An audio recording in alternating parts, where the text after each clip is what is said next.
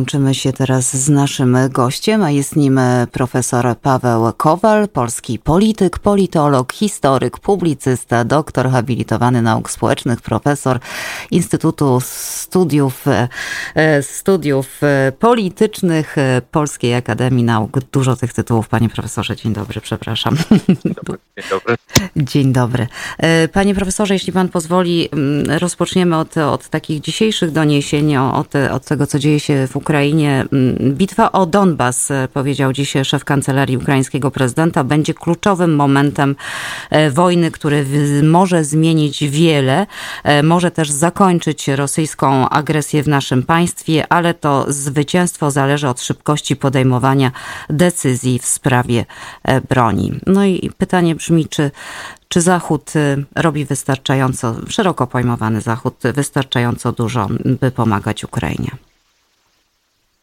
Precyzyjnie mówiąc, potrzebna jest, potrzebna jest dostawa ciężkiego sprzętu pancernego, czołgów, e, wozów opancerzonych, tak by e, Ukraińcy byli w stanie stawić czoła dużej jednak wciąż rosyjskiej armii. Nie jest prawdą, że Rosjanie to już przegrali. Jest prawdą, że się przegrupowują, jest prawdą, że chcą wyjść z tej wojny przynajmniej częściowo zwycięsko. I wiadomo, że jeżeli teraz się ich nie mm, e, zatrzyma, będziemy mieli kolejną wojnę za 2-3 lata. Więc e, to jest kluczem jest mobilizacja w najbliższych dwóch, trzech tygodniach. Myśli pan, że, że bo, bo, bo, właściwie jeśli takie dostawy są, to my powinniśmy o tym nie mówić i, i chyba się w, w, tym zgodzimy. Myśli pan, że, że Zachód zdaje sobie sprawę z powagi sytuacji i że to rzeczywiście te dwa, trzy tygodnie w tej chwili mogą być kluczowe i od wsparcia militarnego, jak pan powiedział, ciężkim sprzętem Ukraińców e, zależy, zależą losy tej wojny? No, proszę zwrócić uwagę, jak to się zmienia. Zaczynało się od dyskusji, co jest sprzętem obronnym, a co jest sprzętem służącym do ofensywy. Dzisiaj już wszyscy rozumieją, że Ukraińcy są na swoim terytorium, w swoim państwie, bronią się u siebie i dlatego praktycznie każdy sprzęt, który się im dostarczy, jest z ich punktu widzenia sprzętem obronnym. Widać, jaka jest zmiana e, postawy e, wielu środowisk na Zachodzie, środowisk politycznych. Przede wszystkim e, to się zmienia w Niemczech, to się zmienia we Francji, ale najbardziej widać te zmiany w Stanach Zjednoczonych i w Wielkiej Brytanii, czyli kraje anglosaskie, już sobie, mm, można powiedzieć, że już tam większość klasy politycznej przeszła tę barierę, po której zrozumieli, że nie ma już powrotu do rozmowy z Putinem jak dawniej. Po tych aktach ludobójstwa, które zostały mm, ujawnione, nie ma możliwości, żeby rozmawiać z Putinem jak dawniej. A właśnie, a czy w ogóle powinno się z Putinem rozmawiać?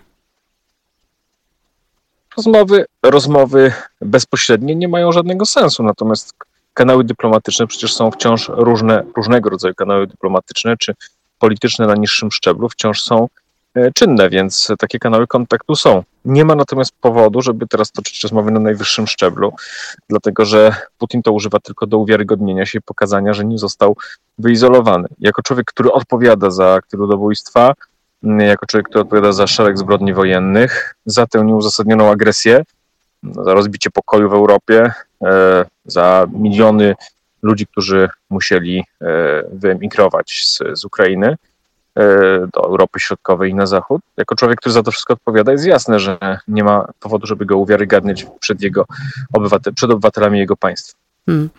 E, mówiąc o dyplomacji, czy uważa pan, że takie ruchy jak zrywanie stosunków, czyli właściwie wyco, może nie zrywanie zupełne, ale wycofywanie ambasadorów z, z Rosji, czy to są właściwe ruchy?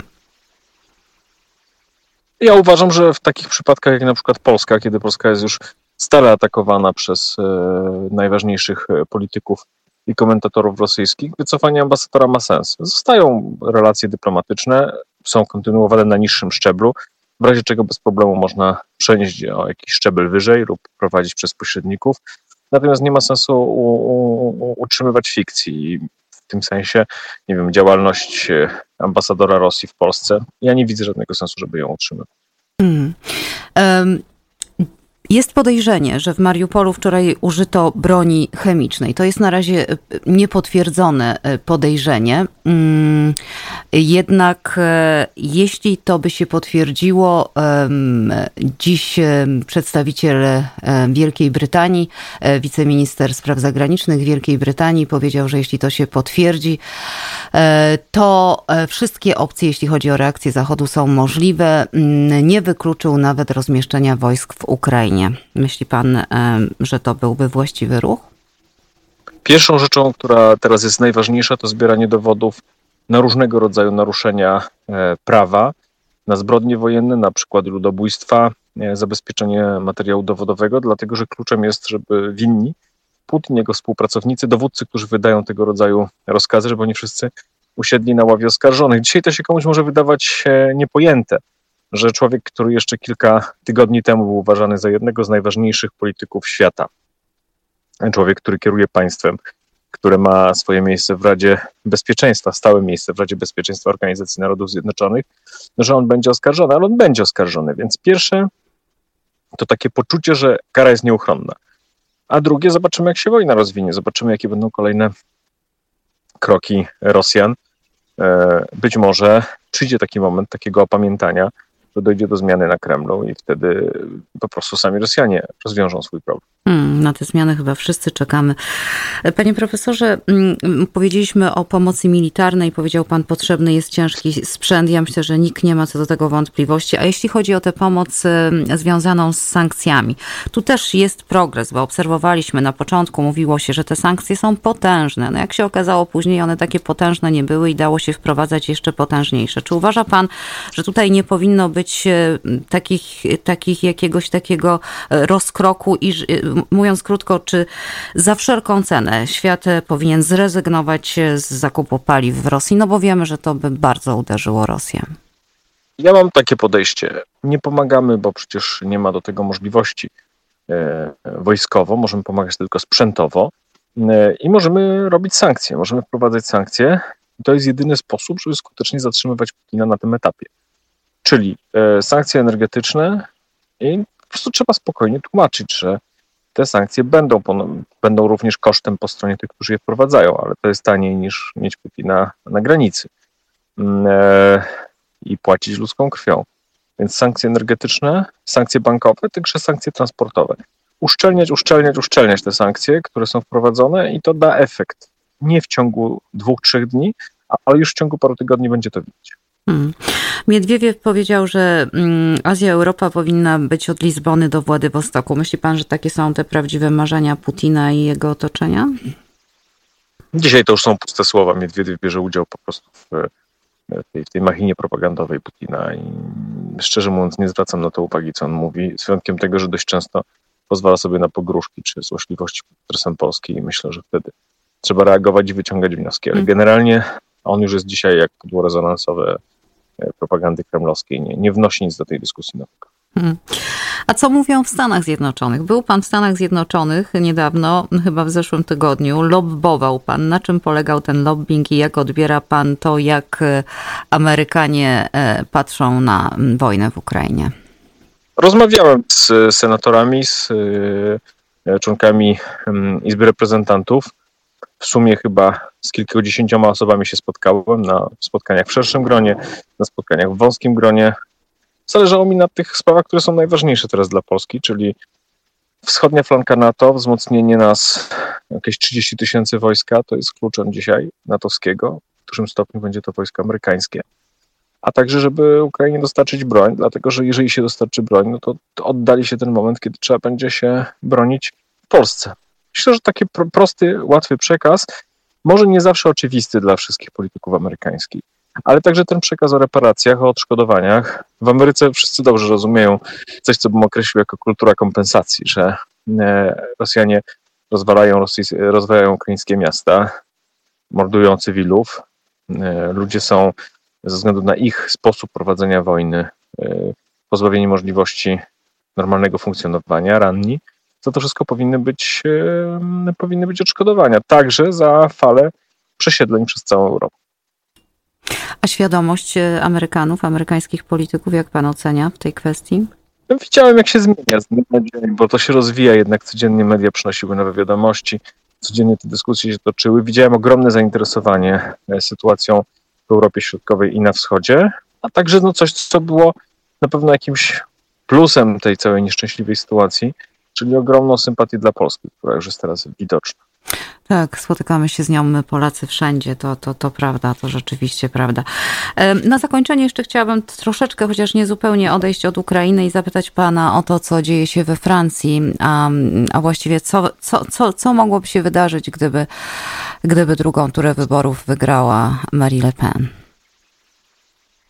Nie jest tajemnicą, że Francja jest kluczową, jednym z kluczowych państw dla Unii Europejskiej, więc wiadomo, że gdyby Marine Le Pen oficjalnie wspierająca Putina stanęła na czele Francji, biorąc pod uwagę system polityczny we Francji, byłoby to szalenie, niebezpieczne dla Unii Europejskiej. W ten sposób, co tu dużo mówić, wybory we Francji są ważne dla całej Unii. Można powiedzieć, że kogoś to nie interesuje, że Francuzi sami wybierają, ale prawda jest taka, że są to wybory kluczowe, od nich będzie wiele zależało. Dlatego mam nadzieję jako Polak, że Marine Le Pen nie będzie prezydentem Francji.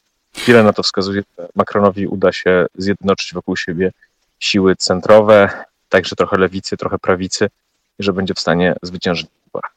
A jak w tym kontekście wypadają połajanki e, premiera Morawieckiego w stosunku do kandydata w tych wyborach e, e, prezydenta Macron?